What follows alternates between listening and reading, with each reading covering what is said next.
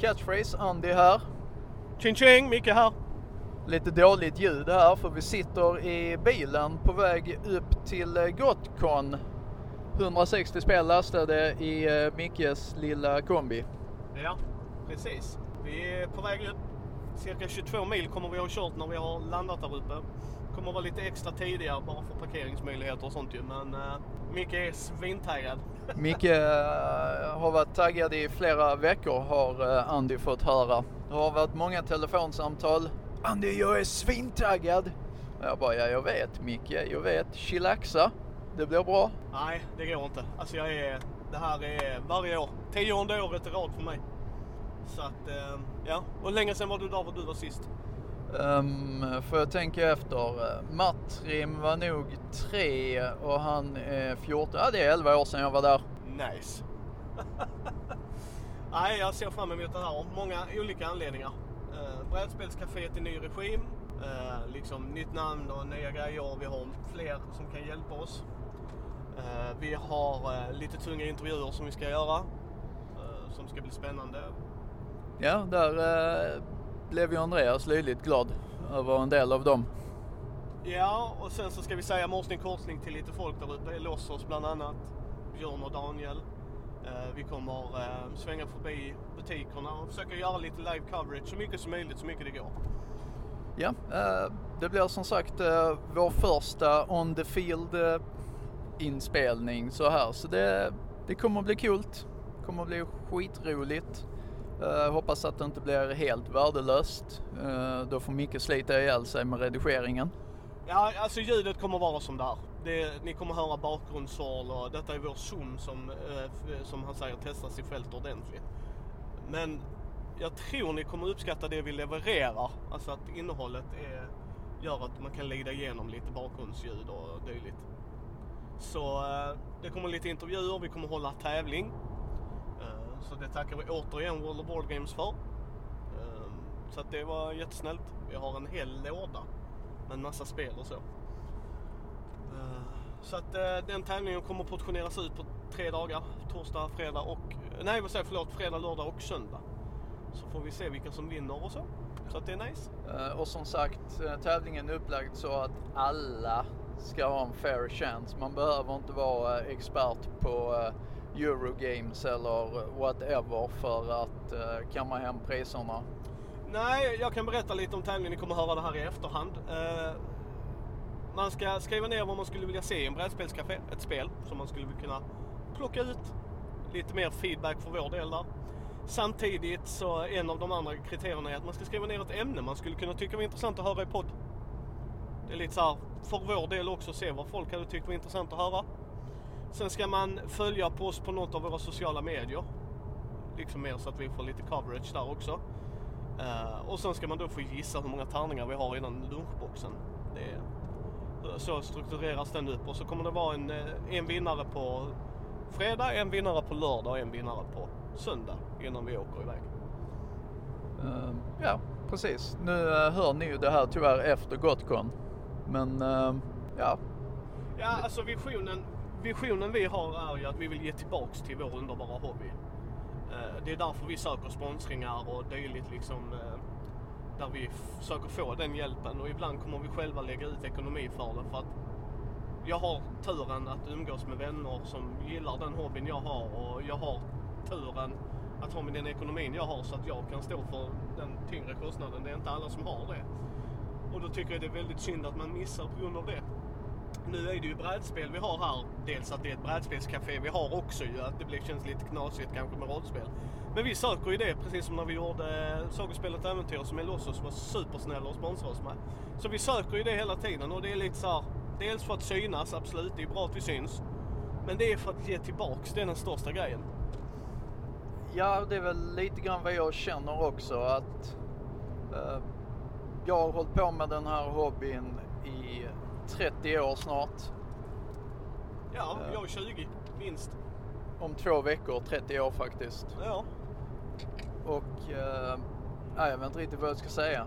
Eh, alla, alla borde spela mera. Mina bästaste, bästaste vänner har jag träffat via den här hobbyn. Jag träffade Andy via eh, Laughing Halfling i Landskrona.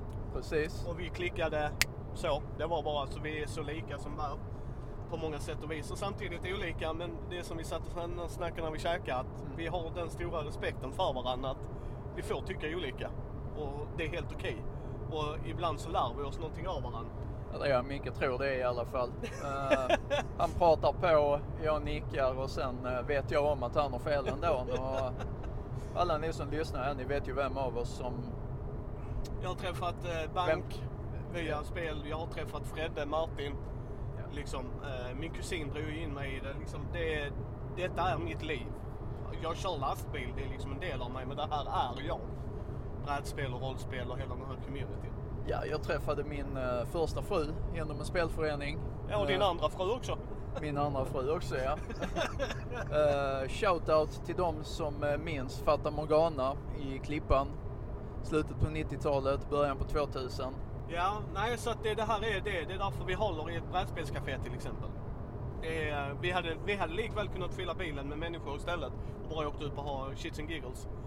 Eh, men jag vill ge tillbaks. Jag vill visa folk att det här är spel. Vi kan hjälpa er att komma igång med många av dem och man har chansen att prova några nya grejer och ja, bara allmänt. Det är samma sak varför vi har flaggorna. Regelhjälp eller spelare sökes. Vi vill göra så bra evenemang som möjligt. Den här gången har vi två salar som ligger bredvid varandra så får vi se om de är stora.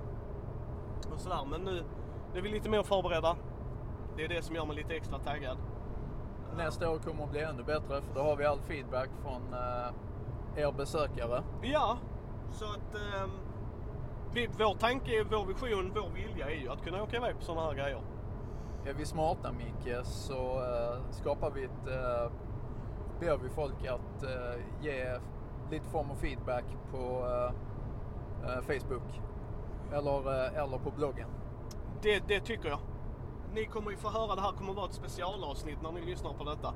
Just bara det där vi kommer trycka in. Intervjuerna kommer vi portionera ut just för att de kommer vara lite Om längre. de pallar lyssna på det för jag kan säga att jag blir knäpp på det här eh, och jag har några mil kvar.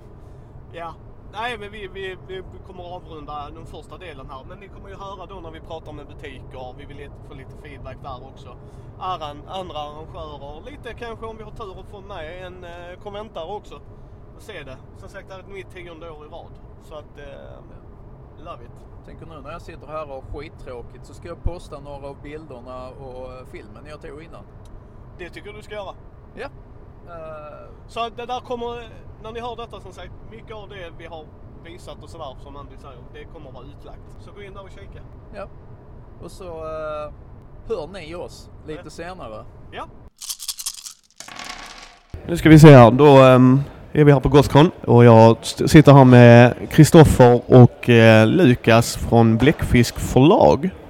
Tänkte kolla med er hur eh, er första dag på konventet där ni släppte två produkter har gått. Det är roligt, det är första konventet som vi har som grupp och egentligen första konventet där vi träffas som, som människor i många fall. Jag och Kristoffer har inte träffats sedan igår, eller förrgår på en så här för, förträff då. Men eh, ja, det, framförallt det var, var det jag såg fram emot att träffas lite grann och sen visa upp lite produkter. Så att, ja, kul att stå och prata med folk, sälja in lite vad man gör och, och bara snacka rollspel.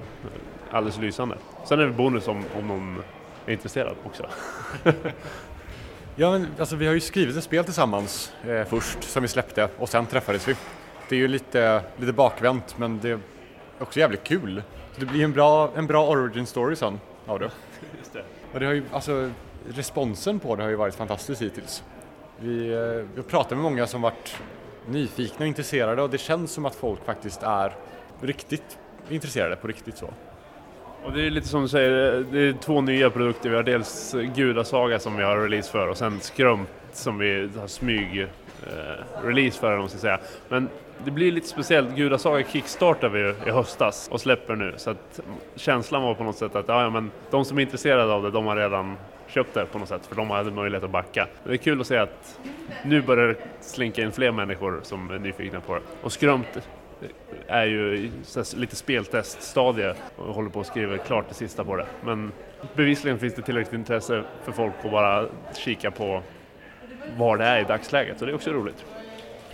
Ja, för min eh, kompis eh, Pumpa, han eh, norpade ju skont. Han bara, ja jag skulle nog gå bort där och titta. Ja men jag har redan köpt den av Kristoffer och Lukas där.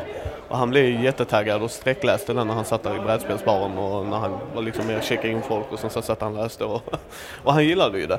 Men om vi börjar med Gudasaga då, hur kom den idén upp liksom? Jag satt i bilen och lyssnade på Neil Gaimans Norse Mythology och tänkte, alltså de här sagorna vore ju perfekt att faktiskt göra ett rollspel av. Varje enskild saga är ju som ett, som ett rollspelsäventyr. Eh, någon har snott Tors hammare. Eh, han måste bege sig till jättarna. Han klär ut sig liksom till brudklänning och låtsas gifta sig med någon för att få tillbaka hammaren. Dödar alla och åker tillbaka. Det är ett rollspelsäventyr. Och jag tänkte att fan, men man borde kunna göra någonting på det här för att liksom emulera den sortens historier. Jag började ta fram, liksom, skriva anteckningar på mobilen på parkeringsplatsen hemma innan jag gick ur bilen. Jag skrev ner liksom, ett gäng Eh, tidiga regler. Sen hade jag och Lukas pratat på en Discord-kanal tidigare. Jag sa, men någon gång borde vi göra någonting tillsammans. Det där snacket man har som aldrig blir någonting av. Och tänkte jag, men eh, fan ett, ett mikrorollspel, det kanske är liksom görbart. Så jag hörde av mig och sa att hej, jag har den här idén på ett mikrorollspel där man skapar sin egen asagud och ger sig ut i, på äventyr om nio världarna. Vill du skriva det med mig? Två sidor text tänker jag, eh, väldigt enkla regler. Och han sa ja, det låter kul. Och sen tre dagar senare hade vi liksom ett första utkast på, på regler. Och sen var det väl du som föreslog så här, men jag har en lite galen idé, ska vi testa Kickstarter för det här? För grejen var, både jag och Kristoffer har jobbat med enskilda spel, så skrömt har ju varit din eh, huvudgrej Kristoffer tidigare och jag har det var väl så vi fick kontakt, att vi bollade spelmakaridéer med varandra och insåg att ja, men, det här verkar vara en någorlunda klok människa, även om vi inte är överens om allting. Men, och så, så hade vi det liksom där, ja, men vi testade ett litet projekt och gör det ihop men båda hade ju på något sätt den här visionen om längre fram ska vi göra några större, maffigare spel, inte bara mikrospel. Och då kommer vi behöva kickstarta och då blir det ett stort projekt. Men om vi har det här lilla projektet, om vi på något sätt kan kickstarta det så att vi får erfarenheten av Kickstarter och eh, någon form av res respons. Finns det något intresse för det här? Då, då, har vi liksom tagit ett litet steg istället för ett stort steg, vilket kan vara ganska skönt. Nu blev det ett stort steg för att det var alldeles för många som backade i alla fall. Och då fyllde vi på den här boken med grejer. Men reglerna är ju egentligen, de ryms fortfarande på två A4 och sen blev det massa eh, spelledarverktyg och fluff och sådär istället. Men det som var lite fränt med processen nu när vi är inne på det, vi, vi skapade någon sån här Google Doc jag vet inte riktigt hur vi etablerade det sociala kontraktet, men vi skrev så här, det här ska skrivas och någon skrev en del och någon annan skrev en del och sen gick vi in och skrev om den andras del utan godkännande egentligen. Bara, Nej men det här, den här formuleringen är dålig, jag skulle vilja att den är så här, det här ordet är onödigt, det tar vi bort, jag vill byta den här termen till det här och ibland så någon så här, ja den här grejen kan vi diskutera istället för att jag bara kör över. Och vi körde så i princip hela projektet och det funkar på något sätt. Ja, för vi, vi upptäckte ju någonstans mitt i där att vi skriver rätt lika, åtminstone när vi skriver det här spelet. För vi hade, vi hade exakt samma vision tror jag. Vi ville få ut samma sak av spelet, vi ville att texten skulle vara formulerad på ett visst sätt. Så när Lukas hade skrivit någonting och jag skrev om det och jag hade skrivit någonting och Lukas skrev om det, slutresultatet blev nästan samma. Jag tror inte vi skulle kunna gå in i, i boken idag och läsa någon text och känna, men okej, det här skrev den här personen. För jag tror det finns ett så pass gemensamt språk i hela, hela boken. Och det var väl det som hände, att när vi började rodda i varandras texter så insåg man på något sätt, ja just det, det är det här jag vill säga, det är bara att nu blev det bättre. Men det är fortfarande samma liksom kärna eller, ja, som du säger, jag tror inte det går att hitta en enda mening nu som är kanske unikt någon av oss. Utan allting är bara någon smörja av, av gemensam formuleringar. Så, spännande att det funkar. Och kul att träffas så här i efterhand då, när vi skickat ut spelet till eh, 200 pers eller vad det är. Så, ja. Ja, för ni kickstartade ju det. Hur var det steget ju? Alltså kickstarter är ändå kickstarter, där kommer ju lite mer, eh, vad ska man säga, ansvar. Det är det ju fortfarande, men det blir ju på ett helt annan nivå när folk förbackar det så att säga. Liksom, hur kändes det steget och vem, kom ni, var ni rörande överens om att nej, nej, det får bli Kickstarter? Det var väl just att vi var lite nyfikna på Kickstarter och vi var nyfikna på, är det bara vi som tycker att det här är ett intressant spel överhuvudtaget? Så att den kombinationen var att, ja vi får säga, information, vi var nog mer ute efter information än stora summor pengar i det här fallet. Hur fungerar Kickstarter? Klarar vi av att ha en Kickstarter? Och är det någon som är intresserad av vårt spel? Och illustrationerna var väl det som skulle kosta pengar tänkte vi och där eh, hittar vi lite lösningar där vi konstaterar att vi kommer ganska billigt undan. Och sen har vi lite stretch goals där vi kan ha mer illustrationer. Och, och i slutändan blev det ju, från de här två sidorna så blev det ju 170 sidor då, med, med fluff och illustrationer. Och ganska många illustrationer blev det i slutändan. Hitta liksom ett bildmanér som vi kunde vara kostnadseffektiva med men ändå. Jag tycker i slutändan att det blev en så bra begränsning i bildmaneret för att fokuserade på känslan. Och sen beställde vi ju några lite maffigare bilder från alltså, konstnärer och folk vi känner som är jäkligt duktiga på att teckna. Som fångades, de har lite olika teckningsstil men de fångar samma känsla i, i bilderna. Och det var väl där vi la majoriteten av pengarna på att faktiskt köpa de här lite maffigare, coolare bilderna. Eh, som, för vi har ju fyllt boken med mängder av småbilder som ger lite känsla och sen har vi de här lite större, maffigare här och var. Men det hade ju knappt gott utan Kickstarter om man tänker att vi har skrivit ett rollspel som är två sidor och vi kan bygga ut det med lite fluff. Eh, och ska vi fylla upp det med illustrationer då blir det stora ekonomiska investeringar och, och, då hade det nog inte blivit av. Då hade det varit de här två sidorna och sen hade vi gett ut det gratis och det gör vi nu också. Just de två sidorna regler då. Men genom Kickstarter så fick du någon möjlighet att växa till där det är nu. För det var väl den responsen, vi skickade ut det till 25 speltestgrupper eller vad det var. Och responsen vi alltid fick var ja det är roligt och det fungerar bra men det känns som att ni har mycket bättre koll på nordisk mytologi än vi så vi vet inte riktigt. Vi trevar oss fram lite grann och, och, och ska det vara eh, får vi göra hur vi vill. Så vi ville på något sätt skriva en bok där här kan ni hämta inspiration om ni inte har koll, men ni får göra som ni vill. Och att liksom tydligt cementera det där i, i text och introduktioner och sådär att liksom det här är inte någon bibel och det är inte historiskt korrekt heller utan det blir ert spel, det blir er värld och ni gör vad ni vill. Men brister inspirationen så slå upp någon, läs om den här guden eller den här platsen eller något sånt där. Så att, eh, och det, och det hade det varit 170 sidor utan illustrationer och allt sånt där, då hade det blivit ganska torrt också. Så att, ja, just genom Kickstarter så blev det vad det blev och det, i efterhand är det kul att det blev det istället för det här lilla tvåsidornas pdf-en som man skickar om enbart. Ja, eh, och sen eh, ni har eh, en tredje kille som jobbar med förlaget då. Han gör väl också då produkter själv antar jag. Eh, För ni ni är bara tre eller? Ja precis, vi är tre i förlaget. Eh, Peter Malmberg är den tredje personen då. Och han, han var egentligen före oss. Han har ju redan skrivit ett spel och kickstartat det och levererat det och sådär. Eh, och sen höll vi på med Gudasaga. Och no vi, det är ju lite så här podcast-inavel, att alla tre har kommit från olika podcaster och har träffats genom podcastsammanhang och sådär. Och eh, alla tre skapar spel själva och sen ska man iväg på konvent och så ska man sköta bokföring och sen ska man layouta grejer. Och det vi konstaterade där var att ja, men, om vi har de, de här sakerna vi är olika duktiga på är det inte bättre att vi fokuserar lite extra på dem, lämpar över de andra sakerna på någon annan? Är lite fler som kan stå och prata med folk på konvent? Ja, har liksom det här samarbetet för att lägga mer tid på det som vi är duktiga på så att det blir roligare och bättre grejer. Ja, för att eh, ni, hur länge har ni haft Bläckfisken förlag då? Och hur kom ni fram till loggan och namnet? Alltså det är ju det är den eviga frågan liksom. Alltså vi startade väl på riktigt vid, vid nyår ungefär, så vi har hållit på nu i fyra månader. Namnet, vi, vi ville ju egentligen heta något engelskt. Så, så vi skickade in lite förslag och sist, sista förslaget var Bläckfiskförslag. Bläckfiskförlag. Tänkte ja, men det, det var det vi fick sen och det har väl växt på oss. Och vi vill väl, alltså dels finns den här lite härliga kulturkopplingen med, med bläckfiskar. Dels är det det här åtta vi gör mycket. Det finns liksom mycket att göra. Vi har en, en tentakel överallt i olika poddar, olika sfärer, olika kontaktnät och sånt.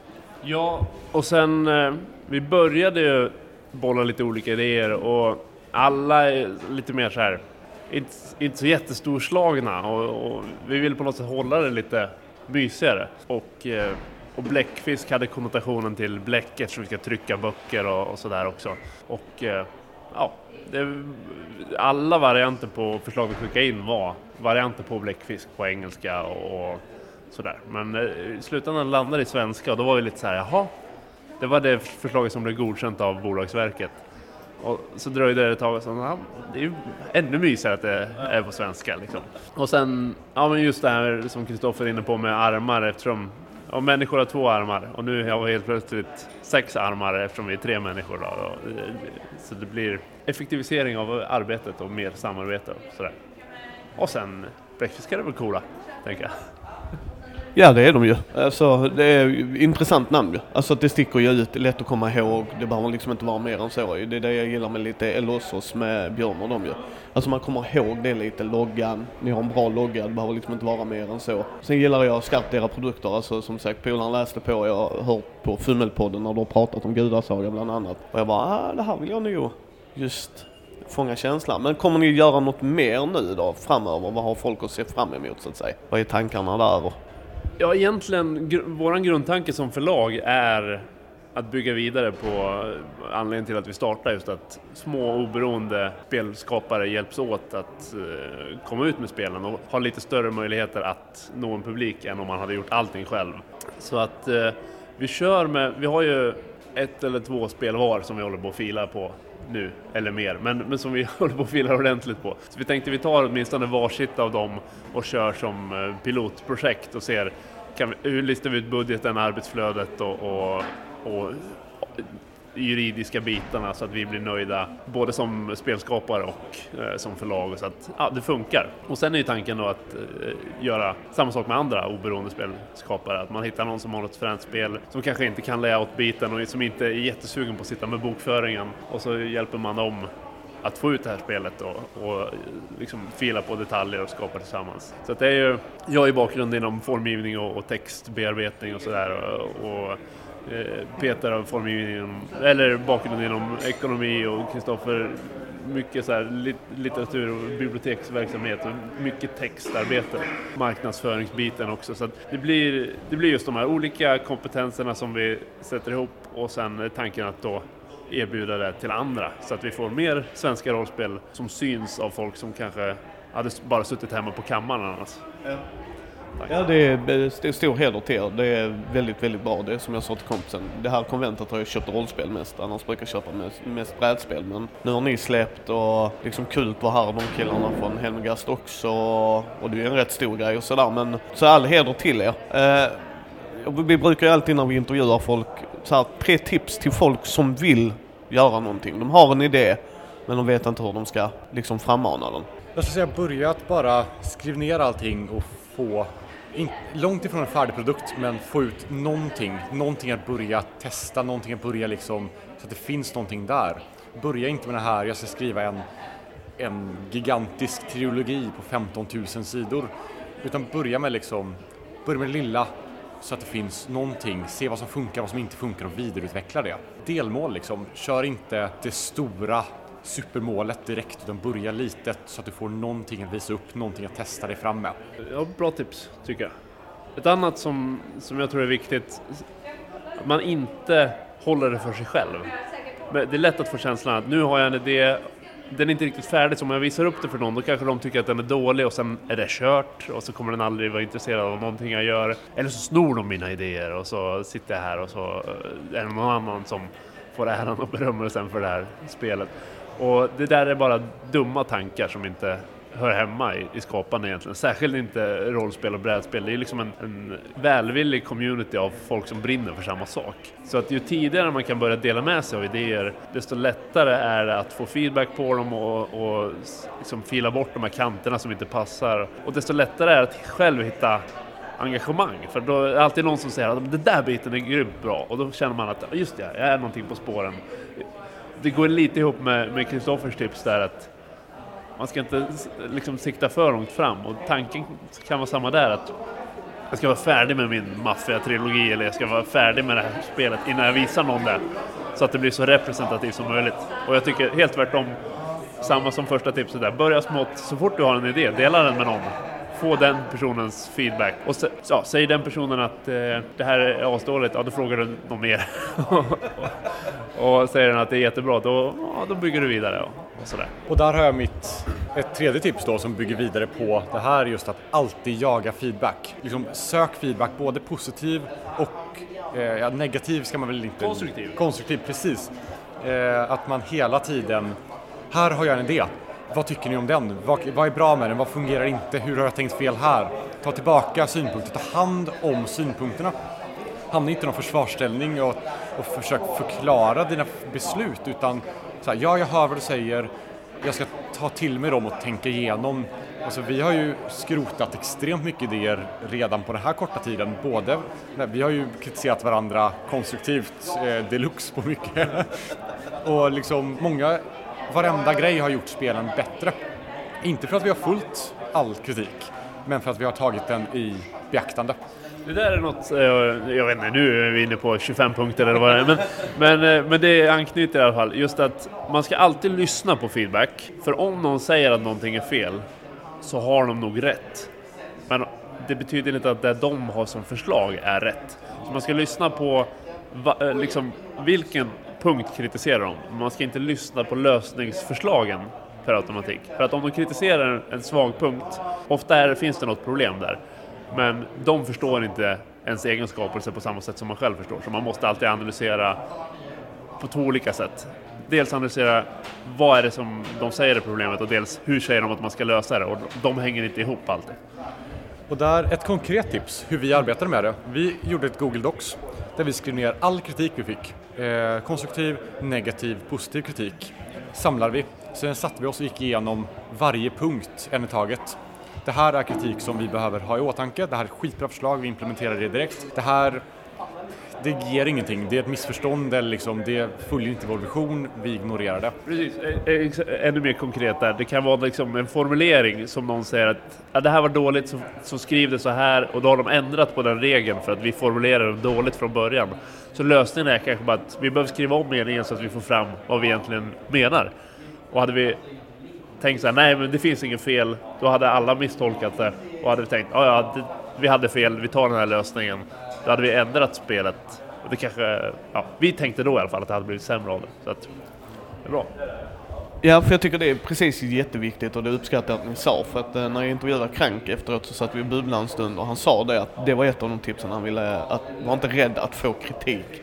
Eh, och det är lite som jag säger till folk, man ska skilja, särskilja konstruktiv kritik och på folk som är rövhattar, rent ut sagt. Att ja, men jag tycker inte om det, så bara, men det är ingen kritik. Vad är det du inte tycker om? Vad var det de kan göra bättre? Alltså är det inte din typ av spel? Redan där ska man börja med att det är inte min typ av spel. Så att det här kommer inte kunna kanske vara konstruktivt.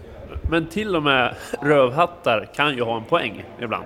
Att om, om en rövhatt säger det här verkar svindåligt, jag fattar ingenting av det. Det kanske inte är att det är svindåligt, men de fattar ingenting av det. Eh, och om man vill att de ska fatta någonting av det, då kanske man behöver bearbeta den informationen på något sätt. Så att det finns här, man ska inte vara en rövhatt, men även rövhattar kan ha en poäng.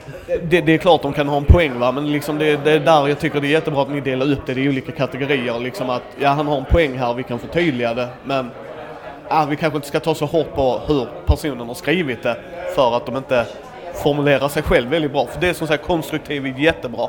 Ni har en vision, man har en idé, ni lägger ut grejen liksom här, prova det och så sitter ni och tänker att den regeln är uppenbar. Alltså här är ju vår vision och så kommer någon bara, hur gör jag här?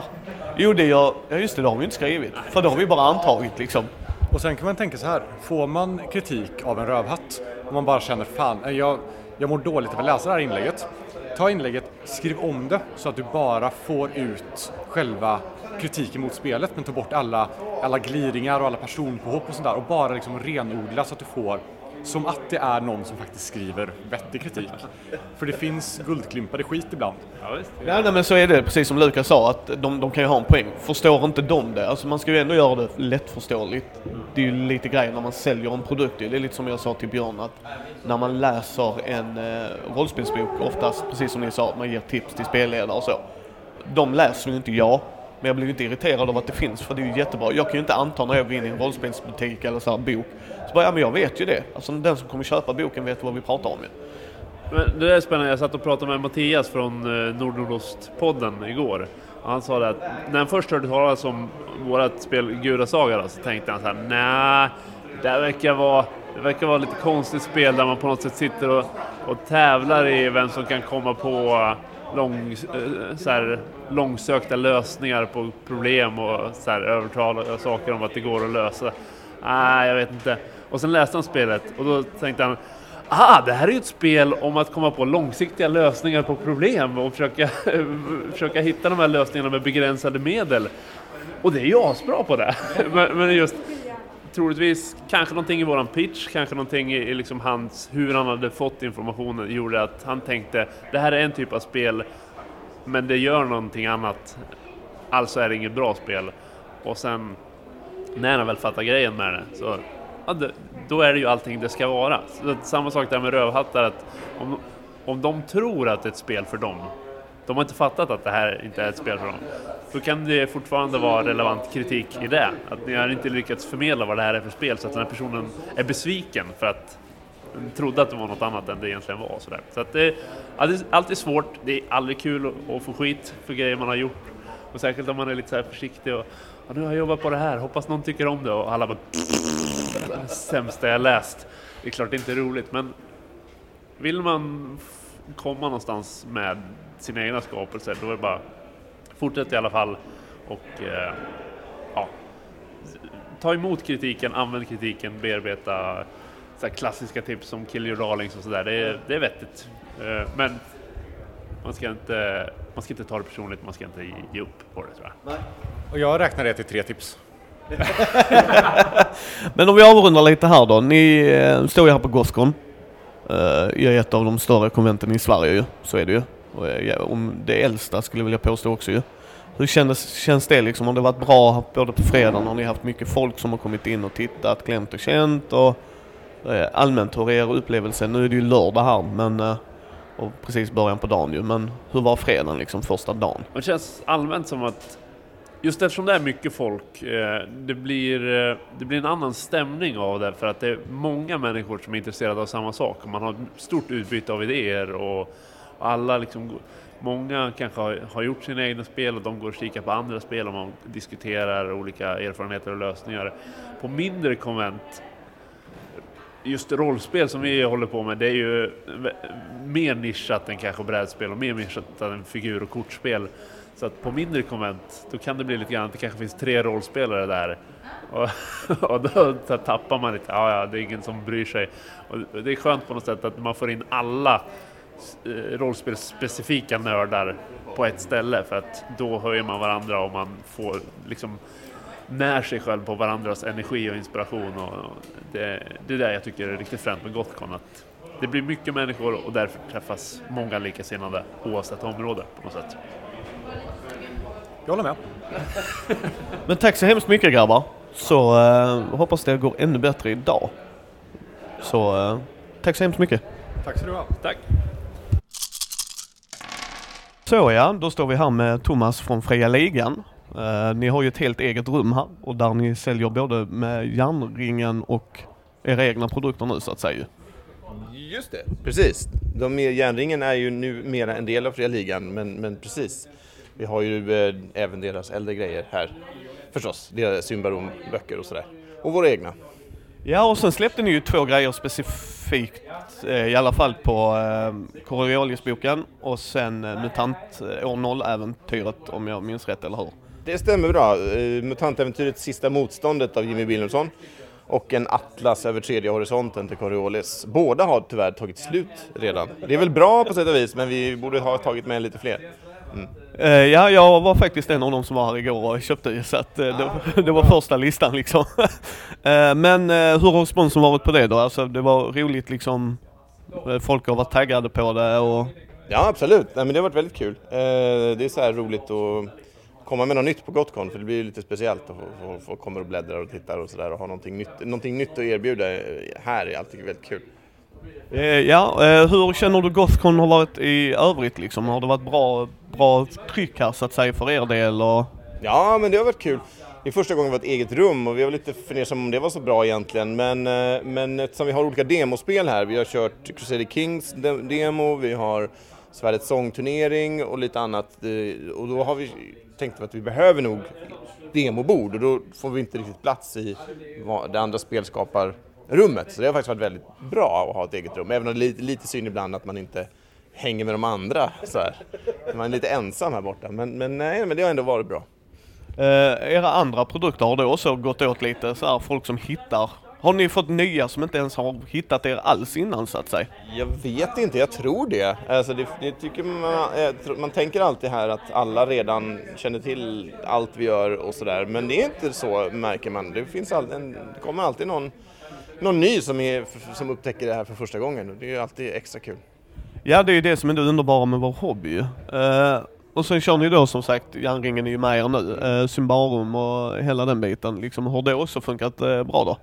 Ja men det har det verkligen gjort. Uh, vi har, nu är vi liksom en stor glad familj allihopa. Nej men det har, det har funkat jättebra. Ja, då ska jag inte störa dig mer. Jag tyckte det var roligt att du tog dig den här lilla minuten. Ja. Men det är alltid roligt att höra hur ni tycker. Men du tycker Gothcon för övrigt har varit bra i år så att säga. Nu är det ju i och för sig bara lördag förmiddag men Nej men det känns verkligen så. Det har, eh, vi kom på, det var väl åttonde året nu som vi är här med Fria Ligan i, i, i, rad och det känns som att det har liksom blivit bättre år för år.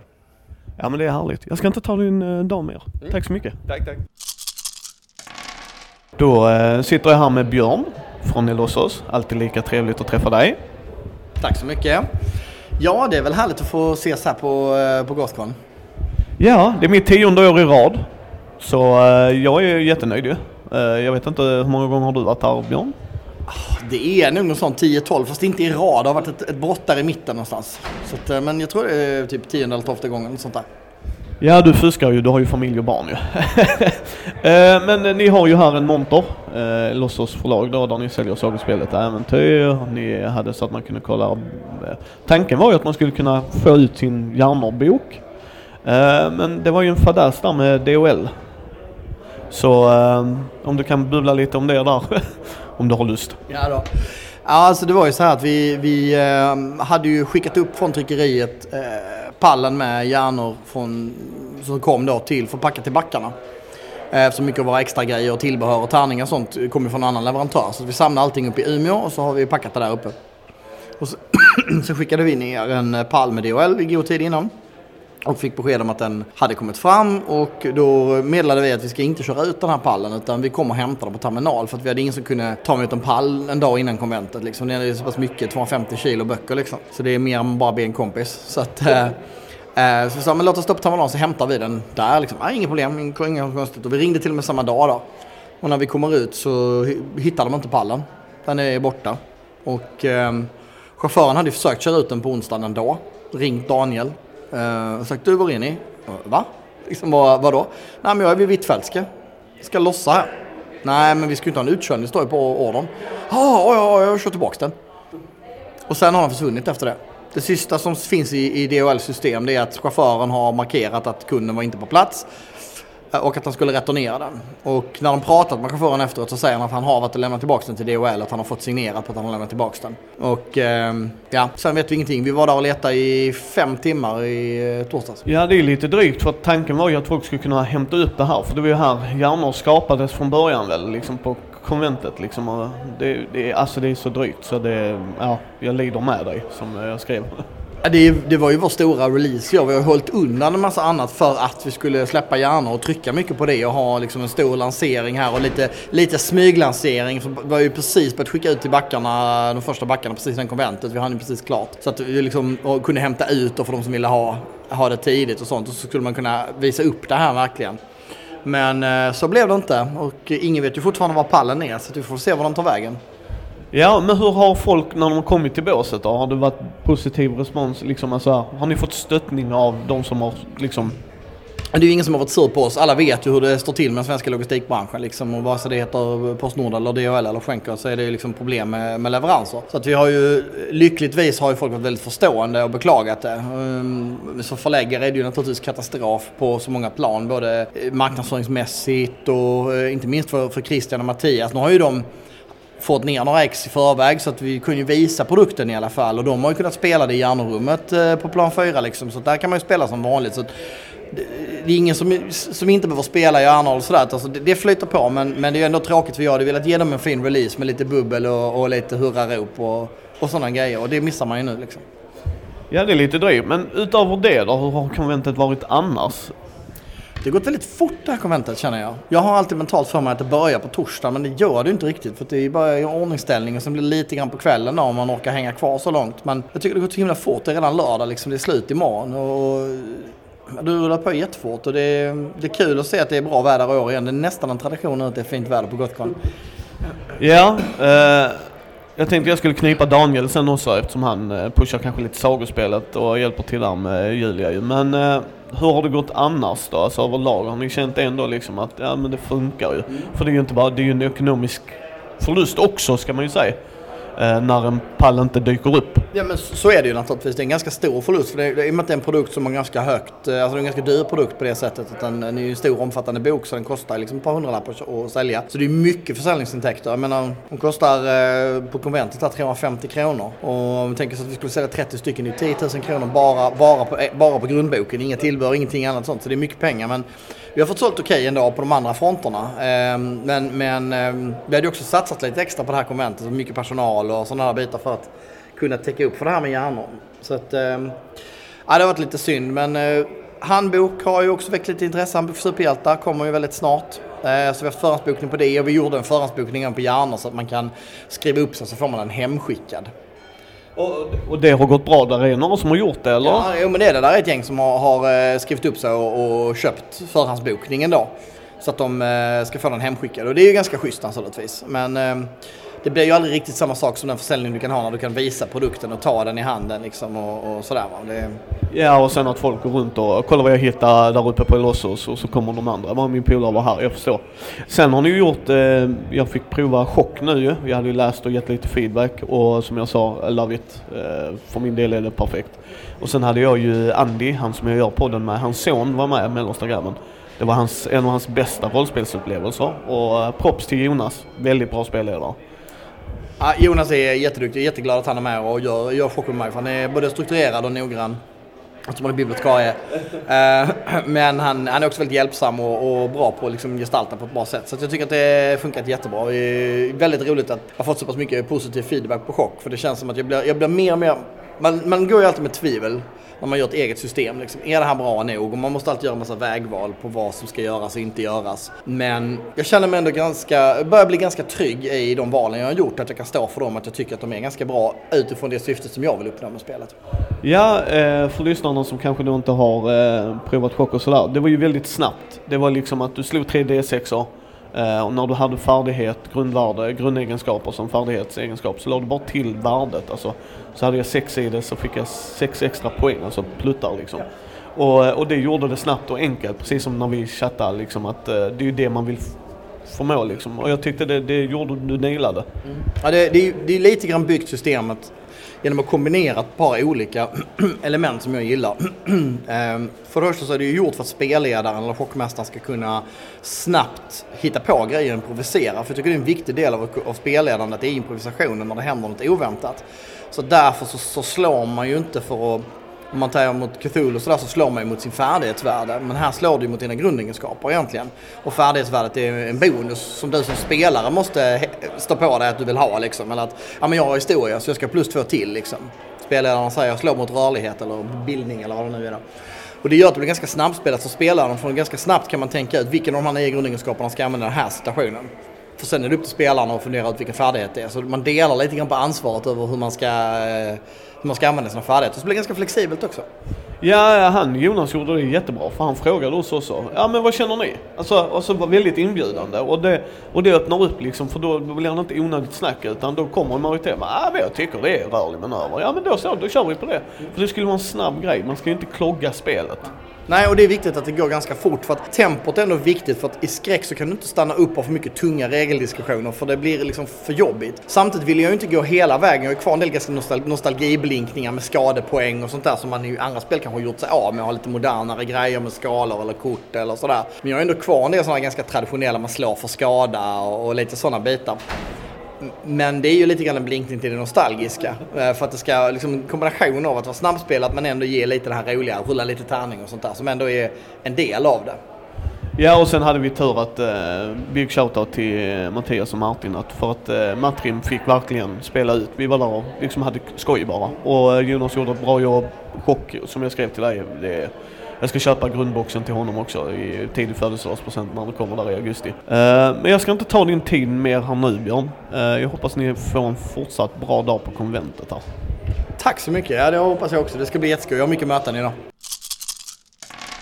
Så, då uh, står vi här vid Fandrakes bås i Eh, på Gothcon och här har vi Orvar då och Jimmy. Det stämmer alldeles utmärkt det. Vi är här, jag är här för fjärde året i rad. 2016 var vi här med en liten bok som hette Äventyrsspel Året efter var jag här med Nisse Gulliksson-boken och sen förra året så var jag programledare för en sändning på SVT ifrån eh, Gothcon. Eh, Jimmy eh, är ett par år sedan han var med, men eh, nu är vi här båda två med vårt förlag. Förstås vår stora MUTANT-bok, men dessutom pushar vi vår kommande stora bok om Alga och klassiska sällskapsspel. Så vi har gjort bland annat en massa Alga-t-shirts med Drakborgen och Assassin och annat och sånt. Och sen träffar man en massa glada spelare och vänner och så. Det är ju en, en återkommande, ja, påskträff för spelare i hela Sverige. Hur tycker ni det har gått då hittills? Nu är det ju bara lördag förmiddag men ni, ni hade hela fredagen igår. Har det gått över förväntan? Har det känts skönt liksom att stå här? Att säga över förväntan är kanske var lite taskigt men jag kan säga så här, det här är ju andra gången eh, jag är här bara. Eh, men jag har ju förstått på folk att det växer för varje år och det känner jag. Det här är ju mer drag än vad det var 2016 så jag måste nog säga att eh, det är väldigt bra jobbat att få ett sånt här arrangemang och bli bättre för varje år, att inte dippa någon gång. Så vi har kanske inte gått över förväntan men det går bättre, det går bra helt enkelt. Vi är väldigt nöjda. Ja, vi har ju sålt slut på MUTANT-boken redan första dagen. Eh, det är klart det är lite, lite dåligt eh, planerat av oss men samtidigt är det ju roligt att så många vill ha den. Så nu får vi fokusera på eh, ja, andra grejer, t-shirts och sånt. Ja, för ni började ju med äventyrsspelsboken, eller boken om äventyrsspel bland drakar, eh, mutanter, drakar och demoner ju. Men det var ju inte under er, ert förlag då. Nej, det var det ju inte. Jimmy hade gjort två böcker, eller gjort en bok om Commodore 64 och jag hade varit inne och gjort lite andra grejer också. Sen gjorde vi den boken tillsammans på ett förlag som heter Bokfabriken. Ehm, men det födde väl, sådde, sådde väl fröet till idén om att göra ett eget förlag, både för oss och andra som vill släppa den här typen av böcker och som... Ja, det gäller ju att ha liksom en förståelse för den här publiken. Så att för ett och ett halvt år sedan ungefär så startade vi eget förlag. Och har vi i det här laget gett ut tre böcker och har två till som kommer i år och så det är full, full fart. Ja, hur var det steget då? Det är ju ett visst steg att liksom samarbeta, göra en produkt och sen gå till ett förlag och säga hej, vi behöver hjälp och sen ta det steget att bli förlaget själv. Kändes det bra? Alltså, hur gick den processen till? Ja, det är mycket jobb, men å andra sidan så har man ju kontroll. När man gör stora, fina och i förlängningen dyra böcker så blir det lätt att man hamnar i kläm med förlag som tycker att nej, fast kan vi inte göra den lite mindre och kan det inte vara lite billigare papper och kan det inte vara lite så här och så här. Och så sitter man själv där och tycker att fast nu tar vi bort allt det som är roligt med den här boken. Så då kan man ju ta de besluten själv och eh, då får man ju bara avgöra, tycker man att det här är rimligt eller inte. Eh, men det är ingen annan som är med och tar de besluten. Och sen så började vi, det första vi gjorde med att ha en stor Kickstarter för MUTANT-boken och det gjorde ju att vi kunde komma igång ganska snabbt. Eh, Vi, vi hade ett mål, vi hade en bok som vi visste att vi skulle göra och vi hade ett, ett startkapital som byggde på att vi skulle göra MUTANT-boken. Så det blev ju en rivstart och, och det tror jag man behövde. Det här, jag tror inte vi hade orkat dra igång ett förlag med liksom ordna egen finansiering och liksom långsamt börja bygga upp. Vi behövde en, en framgångsrik Kickstarter för att komma igång. Ja, alltså ett förlag, eh, vi lär oss ju hela tiden men det är ju mycket att tänka på. Jag har inte lärt mig något. Nej, men alltså det är ju dels så ska ju böckerna tryckas. Eh, Det är ju inte bara att det ska planeras ekonomiskt för att eh, bokuslingen ska ju bli av liksom. Det är ju en fysisk produkt och du kan inte göra så många fel på vägen för då är de svåra att rätta till. Och sen är det ju i andra ändan med försäljningen mot... eh, Distribution Ja. en jättestor grej som vi lär fortfarande Böcker är lära tunga. oss. Ja. Eh, men Starta inget förlag, det är det, det vill säga. Det är en jävligt dålig idé. Nej, men man ska inte starta ett förlag för att man vill släppa en egen bok. Det, det är, utan man, man ska starta förlag för att man tycker att det är, i vårt fall, en brist på förståelse för den här typen av böcker i bokbranschen. Och att det inte fanns något bra förlag för att göra den här typen av böcker i längden. Ja, för jag kom ju förbi här igår och jag har ju köpt både MUTANT, eh, den boken eh, bland eh, äventyrsspel bland mutanter, drakar och demoner och sen förhandsbokade jag Alga ju. Ja. Jag, eh, alltså jag fastnade för den som Sören, första boken. Alltså den, den var en fantastisk grej. Hur, hur var det projektet? Hur kom den idén? Alltså, liksom... Nej, men det, det, var en, det var en idé som jag hade haft i ett par år och som också Jimmy och jag hade pratat om när vi, jag medverkade som intervjuobjekt i hans första bok om Commodore 64. Och då pratade vi också om hur Alltså det, det är fascinerande kombinationen av att alla man kände på något sätt hade ett förhållande till äventyrsspel samtidigt som ingen hade gjort någonting på det. Det fanns nästan ingen research förutom, ja, eh, Sinkadus måndag, eh, den här bloggen, eh, Edlunds blogg där han gick igenom eh, varje nummer av Sinkadus. Och, och som jag blev jättelycklig när jag ramlade över för då kände jag, åh äntligen någon som gör något på äventyrsspel. Och sen så bara blev det så. Jag menar, vi, vi fick reda på att, att det skulle komma en bok som heter Finna dolda ting som skulle handla mer om, vad ska man säga, rollspelandet och rollspelarna i Sverige. Eh, och då kände vi att ska vi göra den här boken vi har pratat om, då behöver vi nog få ut den ungefär samtidigt. Därför att det kommer en bok om rollspel och så får den lite uppmärksamhet och så kommer en till bok om ett halvår eller ett år och då säger alla eh, tidningar och eh, nyhetsprogram att ah, fast vi gjorde en grej på det där med gamla rollspel, eh, vi gör, det gör man nog inte en gång till. Nu blev det istället att det kom två böcker, helt plötsligt tyckte alla wow, nu är det en revival för rollspel och nu är det, så att helt plötsligt kunde man vara i TV4s morgonsoffa och, och SVT och DN och alla ville vara med liksom. Så att jag tror båda böckerna gagnades av att det blev en, en våg av retronostalgi. Och den bygger inte så mycket, om jag ska vara ärlig, på folk som är här på Gothcon. För där var det väldigt många som var redan inne i en retrovåg. Utan det som vår bok gjorde, tror jag, det var att, att många tusen människor ute i landet som fullständigt hade glömt bort Drakar och Demoner insåg, visst fan, det här var ju jätteviktigt för mig när jag var 13. Jag måste åka hem till morsan och farsan och kolla på vinden om spelen finns kvar.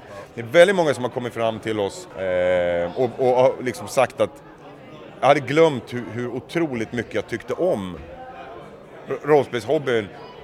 Och nu har jag liksom gått ut på Facebook och hittat mina gamla klasspolare jag brukade spela med. Det var några som berättade att man inte haft kontakt sedan 80-talet. Fått kontakt på Facebook, visat att alla hade antingen köpt eller fått boken i julklapp då 2015.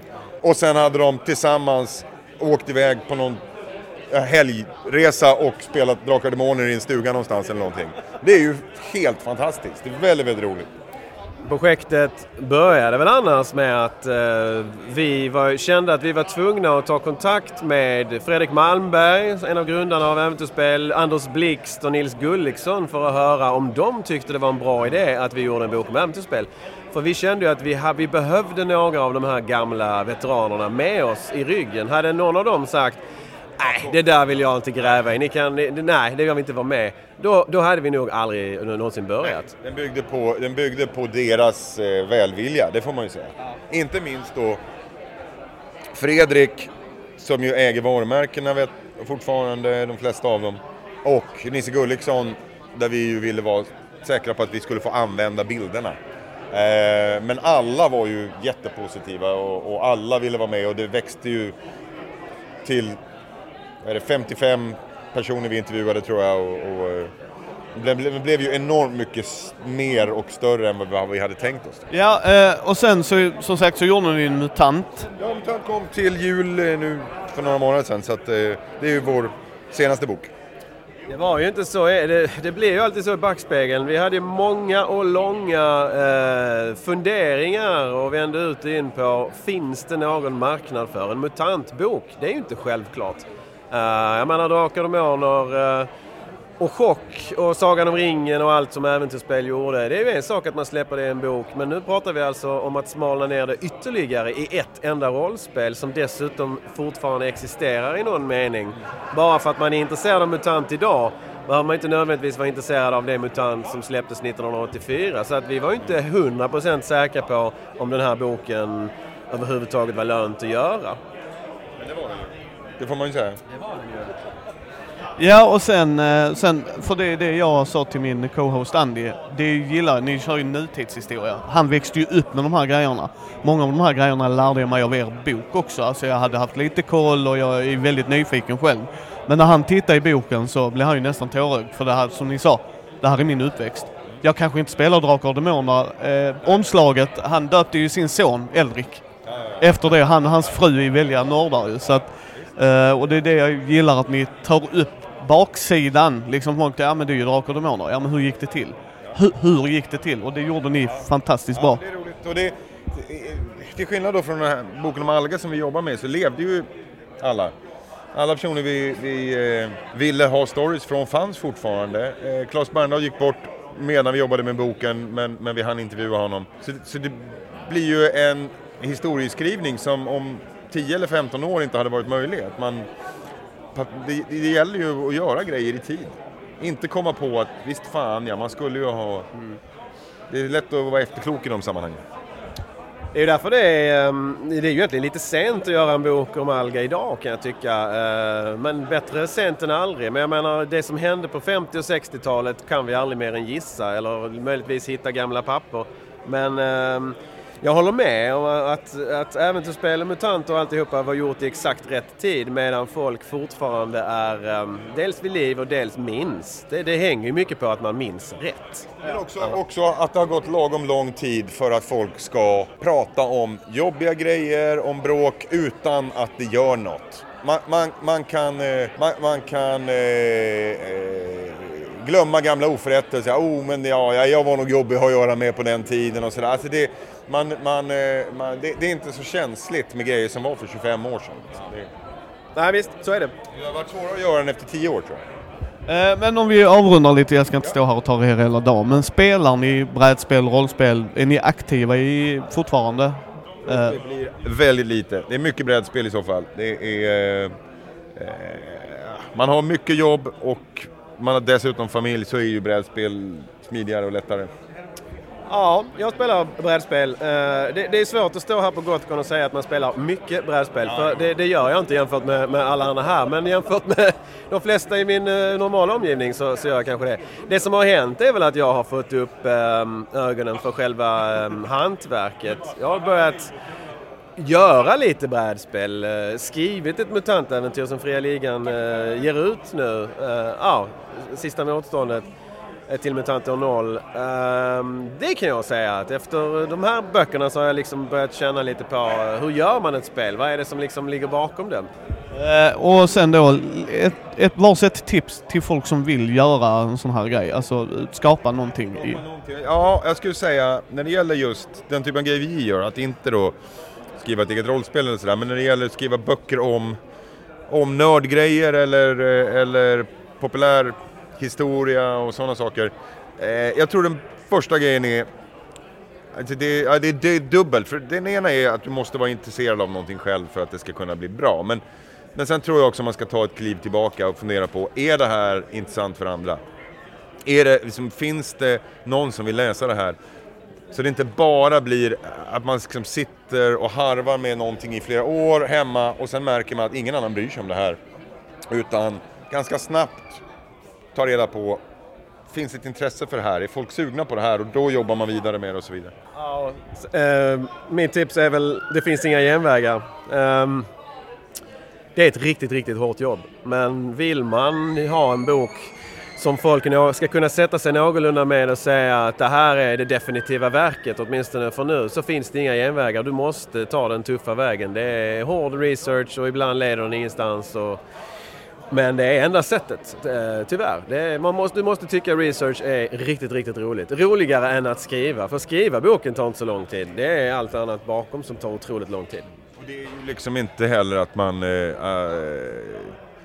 folk stirrar sig blinda på Google idag, men, men det som finns där är dels en, en, en sammanfattning och dels är det ofta felaktigt och skrönor som lever vidare och sådär.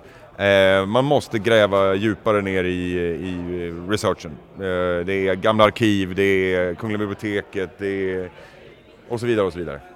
ja, här dök min co-host upp, Andy här. Hade du en fråga du ville ställa? Ja, Jag vill bara säga, catchphrase Andy. Som aspirerande historiker så känner jag väldigt, väldigt djupt med, med dessa människor. Ja, så tack så hemskt mycket. Jag hoppas ni får ett fortsatt bra Gothcon och ser fram emot Algaboken. Tack så mycket, ha det fint! Så ja, nu står jag här med Daniel från eh, Elossos och en av skaparna bakom sagospelet Äventyr. Hur eh, fredagen, ja snart har ju lördagen gått också. Hur har det sett ut på den fronten med sagospelet Äventyr och pepp för handbok för superhjältar? Det har varit, vi har sålt bra sagospelet och det har varit väldigt många som har kommit och frågat om Handbok för superhjältar. Må- Många har ju trott att det kommer att släppas i slutet på maj men vi har ju faktiskt flyttat fram det till slutet på april redan. Så att vi kommer att börja skicka ut grejerna nu till veckan som kommer efter Gothcon. Eh, vilket många har blivit väldigt glada över. mm. Eh, Men hur eh, sagospelet, det kör väl starkt fortfarande? Är du förvånad över det? Nej, jag vet inte, det, det, det, det, det liksom är ju själv, ganska självgående, det liksom tickar hela tiden på. Det, jag vet inte riktigt, det, det, det är jätteroligt liksom att det sprider sig till nya spelare hela tiden men eh, Ja, nej, det, jag vet inte vad jag ska säga. Det, det, det är fantastiskt kul i alla fall. Ja, nej. Vill, ja, jag är begeistrad över alla produkter ni har här och jag tycker det är jätteskoj och det är därför jag menar på att vi har snackat lite med Björn innan ju. Och nu vill jag prata lite med dig idag. Eh, eh, dottern har ju varit med här. Har hon fått uppleva konventet lite eller har ni bara varit statiska här mer eller mindre eller? Eh, nej, vi har varit runt lite grann och, och men vi, det har inte blivit att jag spelar någonting i år. Eh, vi har hållit oss väldigt mycket i montern men vi har varit runt och tittat på utställare och pratat och mingla och, och sådär. Handla lite, gjort av med lite pengar. lite pengar. Okej, Daniel vi säger det. eh, älskling om du hör på det här så har Daniel helt rätt. Nej men det, alltså jag, jag diggar det. Det har jag sagt till dig Daniel så många gånger. Jag tycker det är fantastiskt det ni gör med rollspelskids och vuxna. Så är det. Ja.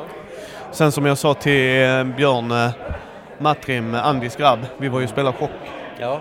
Eh, det var en av, en av han, ja, hans absolut favorit eh, rollspels Ja. eh, grej. Så att eh, det ska ni ha props för. Ja, det, jag hörde att det hade varit väldigt lyckat också. Det är alltid roligt att höra för även om vi är nöjd med grejerna så vet man ju liksom aldrig hur det kommer tas emot. Men, men det är på något sätt ett kvitto på att vi, vi har nått dit vi ville. Ja, han är ju 13 år. Han vill ju köpa en box. Han frågar är det ute nu? Så säger jag nej gubben, det är den inte liksom. Utan eh, det kommer senare. Han bara, ja men jag vill spela med mina vänner. Det var liksom inte att vi skulle spela, för han spelar ju med mig och hans pappa. Och då sa jag det till Björn liksom att då, eh, då får jag gå in och late pledge för den var fortfarande öppen. Att eh, då får jag gå in och trycka i en sån i korgen där till honom och ge han i tidig födelsedagspresent. Ja, Men jag, jag gillar det skarpt. Jag gillar alla era produkter mer eller mindre Daniel. Så att. Men eh, har du känt annars över Gothcon då? Förutom eh, pall bortsprungen så att säga. Eh, Den bortsprungna pallen har ju överskuggade ganska mycket igår då men, men, eh, men det har gått hyfsat bra med försäljningen trots att vi inte har några nyheter med oss nu. Stämningen är ju som alltid på topp. Eh, Man träffar alltid gamla, gamla bekanta och såna här, vissa som man bara träffar på konvent. Eh, Och jag är sjukt dålig på namn så till alla er som jag har pratat med som jag inte kommer ihåg vad ni heter, det, ta det inte personligt. Nej, det har varit jätteroligt som sagt. Ehm, Men kommer ni ha öppet här lite på söndagen också då va? ja, vi börjar väl plocka ihop efter två tiden någon gång skulle jag tro. Ja, där är ungefär då vi... Vi skulle försöka lämna Göteborg vid två snåret typ. Eh, vi har en bit att köra hem och sen behövde frugan ha bilen och sådär. Eh, nej men då eh, hoppas vi att ni kommer tillbaka till nästa år. Jag lär ju nog vara här. Men vad kommer ni nu då? Nu har ju inte Björn här så nu kan jag norpa dig. Vad kommer folk se er sen? Finns det några konvent du kan i huvudet? Ish. Eh, vi kommer att vara med på Comic Con i Göteborg här i mitten på, på maj tror jag det är, 10-12 däromkring någonting. Eh, så kommer vi vara med på Nordsken i slutet på, på maj. Eh, vi kommer inte att sälja själv på Lincoln men vi kommer ha Järnorfolket där som kommer att sälja sina produkter i alla fall. Så att vi, vi, vi finns med lite här och där. Ja. ja men då är det spännande. Får vi be folk att gå in och säga morsning korsning och titta på era produkter tycker jag. Så ja, nu står jag här inne på eh, Manticara i, på Gothcon med... Grattis! Eh, ni har ju en butik i Halmstad bland annat. Stämmer bra. Eh, hur upplever ni det jämfört med att vara i- hemma i butiken och vara på Gothcon? Alltså här träffar vi ju så många likasinnade. Vi har ju en helt annan målgrupp på försäljningen här än vad man har hemma. I hemma i stan så har vi ju ja, ett litet gäng som kanske har det stora spelintresset. Här har vi ju majoriteten av deltagarna eller besökarna här har ju spelintresset. Så det är en väldig skillnad. Ja, hur känner hur, hur många år har ni varit på Gothcon då? Oh, jag tror det är vårt femte. Jag är inte helt hundra faktiskt. Vet du det? Nej, nej vi, och jag tror det är vårt femte. Vi kör på det. Eh, var ni på Gothcon innan ni tog med butiken så att säga eller var det med butiken ni kom i kontakt med Gothcon? Vi fick ju inbjudan några år tidigare innan vi vågade ta steget och åka på Gothcon. Och första året så åkte jag själv med lite folk som var och hjälpte mig bara. Det var en ganska läskig och fascinerande och spännande upplevelse på alla sätt och vis. Ja, hur känner ni att det har gått då? Är det värt det så att säga? Eh, ja, det är absolut värt det. det är, vi säljer ju mycket produkter som man kanske inte säljer hemma, givetvis. Det är fräscht att komma iväg och träffa allt folk det här. Det är jättekul. Eh, Det är mycket jobb med det. Det är en hel del saker runt som ska klaffa på alla sätt och vis. Men ja, jag tycker att det är värt det. Ja, det är liksom så här. Det är inte var dag man kanske, nu har ni ju konkurrenter och sådär ju, men ni minglar då också antar jag. Men spelar ni något? Hinner ni göra någonting liksom? Nej, vi hinner jobba. Vi har lite små demospel i butiken och ibland har vi med oss lite spel som vi kan spela själva då efter stängning. Men vi interagerar så mycket med folk här nu på konventet och pratar med massa folk hela tiden så att man orkar faktiskt inte sätta sig och spela efteråt. Man är alldeles trött i huvudet. Det är sängen som lockar. Ja, men det kan jag ju tänka mig ju. Det kan jag ju tänka mig ju. Eh, kommer ni komma tillbaks nästa år? Det hoppas jag. Vi planerar aldrig ett år framåt för att det finns för mycket variabler som kan inträffa. Men eh, får jag bestämma rakt upp och ner så säger jag ja, Gothcon, jag gillar Gothcon. Så det är klart jag vill komma tillbaka. Ja, och sen så skulle ni ha den första maj, då kommer ni flytta till nya lokaler. Jag bor själv i Helsingborg, men det är lite bud på att puta upp och komma förbi och säga hej om det går att lösa ju. Men eh, om man vill få tag på er, är det manticora.se då kanske? Eh, ja, manticore.se då får du tag på oss som konventbutik. Men eh, drakar och massariner.se då hittar du oss som den lokala butiken i Halmstad. Och det är den som öppnar i nya lokaler då den 1 maj. Ja, men då får vi se där. Eh, tack så hemskt mycket. Tack! Okej Micke, nu är vi på väg hem. Hur känns det? Det känns riktigt, riktigt, riktigt bra. Det har varit bra spelbar, det har varit bra poddande. Mycket, mycket nätverkande. Eh, träffat eh, shoutout till Lukas från Fummelpodden. Det var jätteskoj att träffa dig. Eh, även shoutout till Kristoffer som hade gjort Skrunt och Gudasagan med eh, Lukas, så det var skoj. Eh, För min del, eh, kärt återseende med eh, Krank. Eh, Tack för Revolutionens barn, fortfarande ett av mina favoritspel. Ja, tack Frank för att vi fick träffa dig. Eh, Det var roligt att träffa dig också Robert, så att eh, det ska vi peta på så att du får vara med i podden. Eh, Det var roligt att träffa Thomas. Jätteroligt att träffa Thomas. Och Josef. Så att... Så vänta på de intervjuerna, de kommer komma ut också. Och det var fantastiskt trevligt att träffa Björn igen och Daniel. Ja, absolut. Uh, vad skönt att få, få en möjlighet att eh, fylla på hela sagospelsamlingen nu, så nu är den komplett. Ja, och sen var det väldigt, väldigt roligt att träffa eh, Gunilla och Mikael också. Gunilla och Mikael var ju höjdpunkten för mig. Brädspelssparen hade kunnat dö, de andra, eh, de andra intervjuerna hade inte alls varit så intressanta. Eh, för de av er som inte har hört poddarna, något av de andra poddavsnitten, så eh, säger jag det igen. Eh, Kult är det bästa rollspel som någonsin gjorts. Punkt slut. Sen eh, big shoutout till Jonas på Elossos som spelade i eh, mig och Matrim och Martin och Mattias. Shoutout till dem också. Att Matrim som 13-åring fick vara med där och vi hade riktigt roligt i två och en halv timme. Ja, ni betatestade nya Chock. Ja, fantastiskt skoj. Det, det är bara så. Så tack för den opportunityn Björn. Uppskattar vi. Det var jätteroligt. Eh, annan kul grej jag tyckte var att eh, det blev lite spontana grejer. Vi sprang förbi eh, eh, mannen som skriver eh, Dex och eh, han har hållit på med samma kampanj med samma folk i 30 år så vi fick in en liten bubblare med honom också. Ja, den kommer vi släppa sen. Och sen eh, träffade vi Tove och Anders från Åskfågeln. Ehm, så det var roligt att träffa dem också och visa oss där. Jag fick komplettera mitt western också. Det blev lite rollspel den här gången. Det blev eh, mycket rollspel den här gången. Ja, men det blev det för mig också. Eh, jag plockade ut lite där, Ödesväktarna och det där. Så att eh, nya Cthulhu-äventyret som Moa någonting hette, jag har glömt hennes namn. Men hon hade gjort det till Cthulhu, Kranks moduler. Ja. Så, eh, så vi kommer göra lite sådär, eh, vi har nätverkat lite, ni kommer få se. De här eh, intervjuerna kommer att portioneras ut framöver. Sen så kommer vi göra lite andra intervjuer och sådär också. Men ehm, bra, bra Gothcon. Vi kommer att åka upp nästa år också. Sen får vi se hur strukturen blir va. Men ehm, ja, det var fantastiskt roligt. Tack alla som var på brädspelsbaren och sa hej.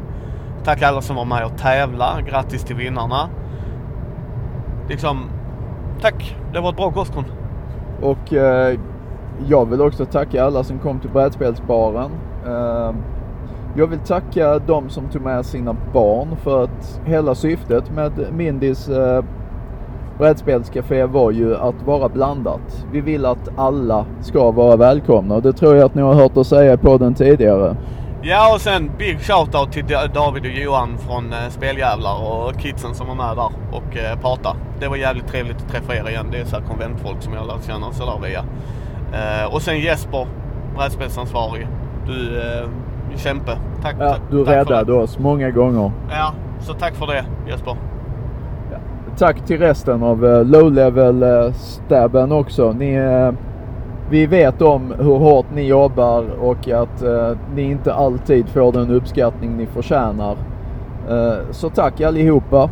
Eh, det var mycket som var kaosigt men så är det alltid. Jag har arrangerat saker, jag vet hur det går till. Ni gjorde ett bra jobb.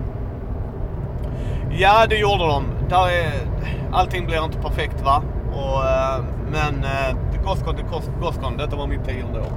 Eh, som sagt, det, det här kommer ni, när ni hör det här så har ni hört lite tidbits. Så att detta är ju specialpoddavsnittet från Gothcon som kommer släppas måndag någonting, maj tror jag det blir va? Ja, Nej, det blir det inte. Förlåt mig. Skitsamma. Vi kommer... Det, har- det har varit en jävligt bra helg. Riktigt bra påskafton och sådär. Så nu är vi snart hemma hos mig. Ska tömma bilen. Det blir Tetris igen ju. Eh, ja, ni har sett bilderna. ja, eh, och där kommer upp lite bilder och där kommer komma vara lite länkar till de vi har intervjuat och sådär. Så att vi kan propsa de som ska ha props. Så om, om, om vi har glömt någon, ber om ursäkt för det. Men tack alla som har kommit förbi och pratat med oss och sagt Morsning korsning eller lånat spel av oss eller varit med om tävlingar eller har hjälpt oss. Tack, tack, tack, tack. Jag tänkte fylla på det här eh, avsnittet senare med en liten eh, intervju med Matrim som var på sitt first ever konvent. Eh, det skulle vara kul att höra hans intryck. Ja, vi får se. Visionen är ju det. Vi får se vad vi hinner här. Jag tänkte klippa detta i början på nu, redan denna veckan. Men däremot så ska vi göra en bubblare med Matrim för jag är väldigt intresserad. Så det kommer ni få höra. Vi kommer göra ett specialavsnitt just med kids och det. Och det, det är av den anledningen. Ja, så hinner vi inte få med honom denna veckan så kommer han. Ja, ja men det tycker jag. För eh, han sa det, det var han, ett av hans bästa brädspel, eller rollspelsgrejer. Det var när vi började spela rock. Och vi, återigen, big shoutouts till Martin och Mattias. Ja, och när du hör detta, eftersom du har sagt att en annan spelledare gör ett bättre jobb än mig så vet du vad som händer. Nej men Jonas, Jonas var jättebra. Det var eh, högt tempo, schysst chockäventyr. Eh, vi fick ju provspela det som ska komma i eh, grundlådan och det. Och det ser vi fram emot. Det var ju jättetråkigt det som ni hör att Elosos förlorade en pall böcker.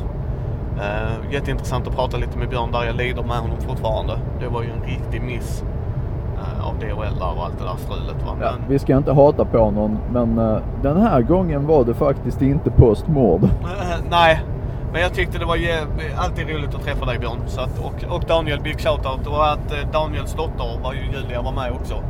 Och det hade gått bra för äventyrsspel. Så att det är ju jätteskoj eftersom vi är ett stort fan av den produkten också. Ja, ja det kommer att, bli, eh, kommer bli väldigt mycket regler för mig att sätta mig in i nu. Eh, nya Kult, Divinity Lost köpte jag. Köpte på mig allting till uh, sagospel. Vi eh, uh, late pledgade uh, eh, Handbok för superhjältar. Och eh, jag köpte på mig en eh, gammal, gammal favorit för att den var så sjukt nedsatt och det var Noir. Ja, jag köpte lite också där Kult det nya och Hemgast och, eller inte så här, förlåt, Noir från dem ju. Eh, och eh, sen ska jag, jag har late pledgat på chock åter från graven men jag ska in där igen och lägga till en till Matrim. Som jag sa till han skulle få en tidig födelsedagspresent för att han var så taggad att han ville spela själv med sina kompisar. Och eh, det, det sa jag liksom, då är det taget. Då ska han få det av mig. Det, det, för jag tyckte det var jätteroligt också. Så. Och eh, jag tänker förbereda honom genom att eh, tvinga honom att läsa igenom de gamla reglerna som står och dammar på min hylla. Nu ska vi inte ha, eh, ha den tonen. Nej men det, det var skoj. Ja, ja, det är straffet för att han tyckte att någon annan var bättre än mig. Nej men det var trevligt. Det var ett väldigt bra konvent i år. Det var roligt, vi fick synas lite om vi ska liksom prata lite så här poddnätverken. Det var jätteroligt att träffa Thomas från Konrad och recenserar och han tyckte det var jätteroligt. Och, nej, det var och Josef satt och bubblade en liten stund med honom. Det var så jättetrevligt. Så att, big shoutout till alla de som tog sig tid och ville prata med oss. Um, så att, uh, nej, så vi får se. Ja, i övrigt ska jag sammanfatta Gotcon så var det precis som vanligt. Uh, massor utav kaos. uh, massor utav saker som inte funkade som det skulle men på något sätt så blev det ändå en rätt i slutet. Uh, och det är väl lite grann det som kännetecknar konvent överhuvudtaget. Jag vet att jag var frustrerad vid många tillfällen. Micke har varit jättefrustrerad vid många tillfällen. Andra besökare har varit frustrerade vid många tillfällen. Men när man åker hem så har man ändå en viss känsla av att ja, det här var bra. En grej som värmde mig också, det var familjen som kom och spela flera gånger. Och när jag hade haft spelbaren i ett annat regim innan eh, så visste de vilka vi var fast vi, vi var kanske inte övertydliga med att vi hade bytt namn. Men de sa till mig att för dem var detta den bästa brädspelsbaren. Så tack så hemskt mycket för att de satte fingret på vad vi ville göra. De tyckte det var bra att vi hade barnspel, fillers, medium, heavy, Ameritrash. Alltså att vi hade hela spektrumet. Vi kanske inte hade allt, men vi hade lite av varje. Vilket gjorde att de kunde gå dit där med familjen och välja Root till exempel, Area Control, lite tyngre spel. Men samtidigt sen bara, nej men vi kör lite Magic Labyrinth eller Dixit. Att de, Ja, de, hade det, de hade det optionen. Och det, tack så hemskt mycket för den feedbacken. För då, då förstod vi att det var i alla fall någon som förstod vad vi försökte göra. Ja, som sagt. Mitt och Mickes mål är ju att inkludera folk i hobbyn så mycket det bara går. Få in nytt folk, få in ungt folk, få in gammalt folk. Alla ska känna sig välkomna i detta. Och att få den bekräftelsen på att det, det, det, det sa till mig att vi, vi är på rätt väg. Ja, och sen har vi ju fått nya tips och idéer. Vi kommer ju utveckla det här ännu mer, se vad vi kan göra, göra bättre och göra, liksom lyfta upp och kolla om vi kanske kan involvera mer folk och sådär. Alltså det, vi, vi fick blodad tand, om vi säger så. Det var, nej, det var skoj. Ja, vi är hungriga. Hungriga på mer. Ja. Och vi är snart hemma så vi ska kanske... Ska vi avrunda? Ja, det tycker jag. Och sen som sagt, vi hörs ju varje måndag. Ni hittar ju oss på mindy.nu. Uh, Och på Facebook. Ja, Mindys bräd och. Vi finns även nu på Twitter. Så checka gärna in oss där. Vi försöker dela så mycket som möjligt med nyheter och sånt där. Det är lite mer nyhetsflöde tänker jag mig. Eh, men checka oss där också. Ja. Och eh, jag har fått i uppdrag att starta ett eh, Instagramkonto. Eh, så jag tänker fylla det med matbilder och eh, selfies. Nej, det tänker jag inte. Jag ska försöka hålla det så relevant som möjligt. Eh, tack till er lyssnare. Ja, tack så hemskt mycket. Det för vår del och er del. Vi vill som sagt inkludera och visa. Tan- tanken med det här avsnittet är ju att få en liten mer inglimt i vad som kanske försiggår sig på Gothcon. Eh, och vad vi har gjort och inte gjort och så här. Så att, eh, det är lite vårt mål att åka på andra konvent och göra samma grej. Och Det finns planer. Det Ja. finns planer. Så att, eh, tack till alla. Tack så mycket. Catchphrase Andy. Tjing tjing!